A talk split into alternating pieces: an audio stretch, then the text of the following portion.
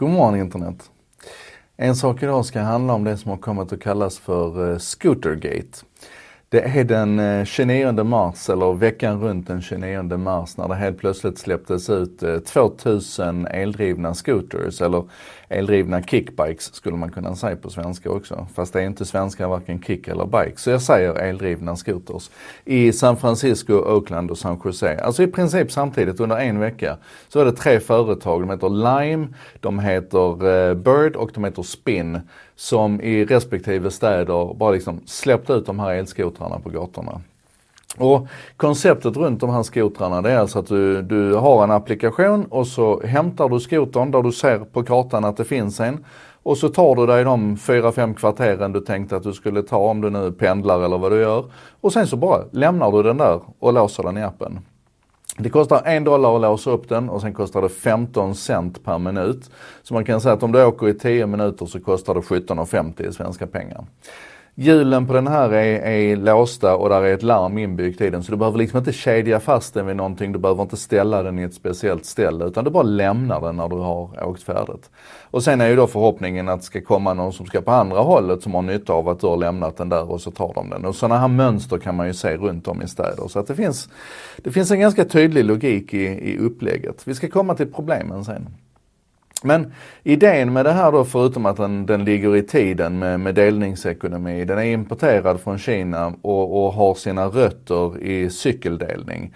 I Sverige så har vi också sett cykeldelning men då är det nästan alltid sådana här fasta platser. Alltså de ska in i speciella låsanordningar och så finns det fasta platser runt om i stan. Men i Kina så har Mobike bland annat revolutionerat det här och OFA med att, att, att cyklarna finns runt om, du bara släpper dem där du är färdig. Eh, och det här är en stor industri idag. Eh, just Mobike fick nyligen, de blev uppköpta, eh, 3 miljarder dollar gav man för det företaget. Fast att de har skulder på en miljard dollar i bara böter och, och kostnader till staten. Eh, Linebird och Spin, de här tre företagen jag nämnde tidigare som satsar på eldrivna skoters nu, de har fått eh, totalt 255 miljoner dollar i investeringar att dela på. Och det här är fascinerande på många plan. Det är fascinerande att det här händer samtidigt och då kan man ju undra varför gör det det? Och det ena är naturligtvis inspirationen utifrån. Man har bråttom in på den här marknaden nu. Man vill move fast and break things. Det är helt uppenbart. Um, tekniken gör det här möjligt. Alltså vem som helst kan ladda ner den här appen. Du kan se cykeln stå där på gatan, och, eller den här skotern. Och så ser du att det kostar en dollar att komma igång bara. Du tankar hem appen, du registrerar dig direkt, du betalar med kreditkort. Det är så oerhört sömlöst liksom i sitt upplägg.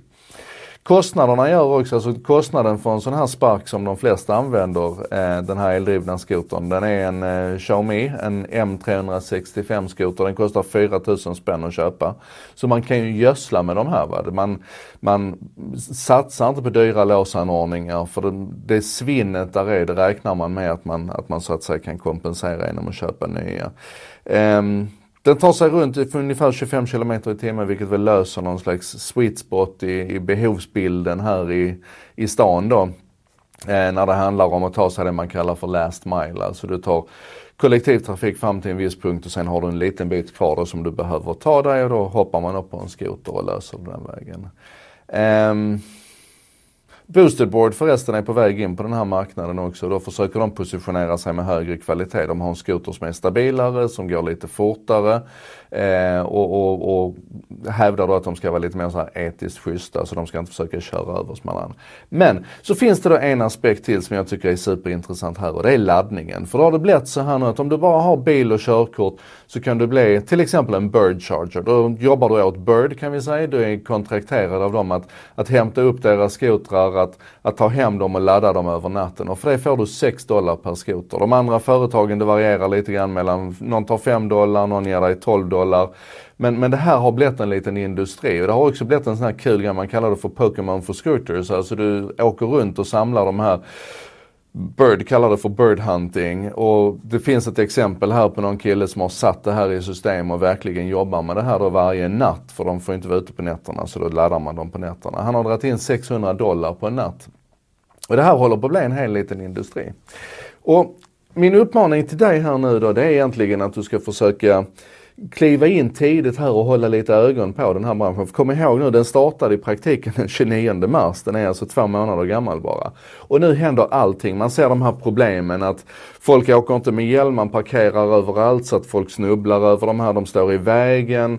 Ehm, det finns diskussioner runt eh, de här bird, bird hunters till exempel, att de börjar liksom kriga mot varandra och hela laddnings Eh, rörelsen håller på att gå från någonting som var mysigt och trevligt till någonting som är öppet krig och så vidare. Och då, då blir det bland annat dags för reglering, det tas nya steg i affärsutvecklingen, man ser utslagning av företag och uppköp, konsolideringar, man ser mediestormar runt det här. Eftersom det här är så nytt nu så kan vi gå in tidigt här och så kan vi bevaka detta, vi kan titta på det, vi kan se och lära hur, hur en hel industri här liksom växer fram och utvecklas. Och, um, lära oss av det helt enkelt. Det är superspännande. Så börja titta på detta. Eh, lägger länk till en av artiklarna i första kommentaren så du kan hänga på. Eh, det här var En sak idag, producerat av mig Joakim Jardenberg med benäget bistånd av vännerna på Bredband2, internetoperatören som gärna lyssnar när andra snackar och hjälper till att sprida det goda ordet om varför internet är en bra sak. Det textas alltså och översätts av Contentor, byrån som arbetar med modern marknadsföring, redaktionella texter på nätet och översättningar. De ser till att det här finns textat på både svenska och engelska fram emot lunch. Bra jobbat hörni! Eh, och vi ses imorgon igen.